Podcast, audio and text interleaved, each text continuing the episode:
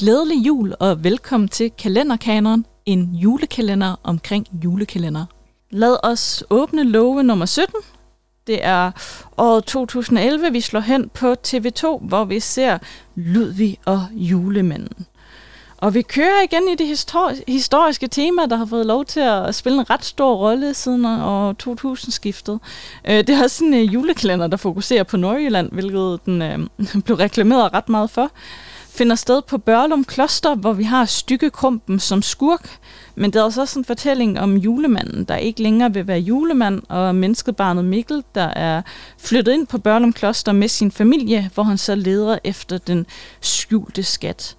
Og det var sådan en julekalender, der fik rekorden med at være den dyreste julekalender fra TV2 med en budget på 25 millioner kroner.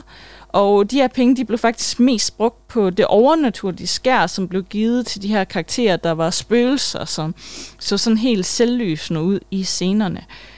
Øhm, den er nok også en julekalender, der er blevet kendt på den rigtig catchy introsang. Øhm, men øh, det er faktisk også her, vi ser, der er altså ikke så mange sange tilbage i selve julekalenderen mere. Nu er det mere blevet sådan en trend, hvor vi har nogle kendte sangere, der får lov til at synge introsangen, i det her tilfælde med Ludvig og julemanden, så der så Søsfinger, der synger Ludvig og julemanden. Det var en julekalender, der alligevel blev så populær, at den fik en efterfølger i 2013, her med titlen Tvillingerne og julemanden.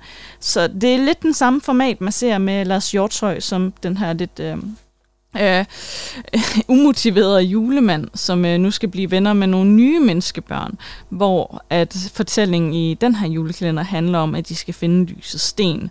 Og det var igen et år med fokus på Nordjylland, især Aalborg, og jeg kan huske, hvordan det blev reklameret. Det var en julekalender med scener fra Aalborg, man kunne se, hvor det var, de havde filmet henne.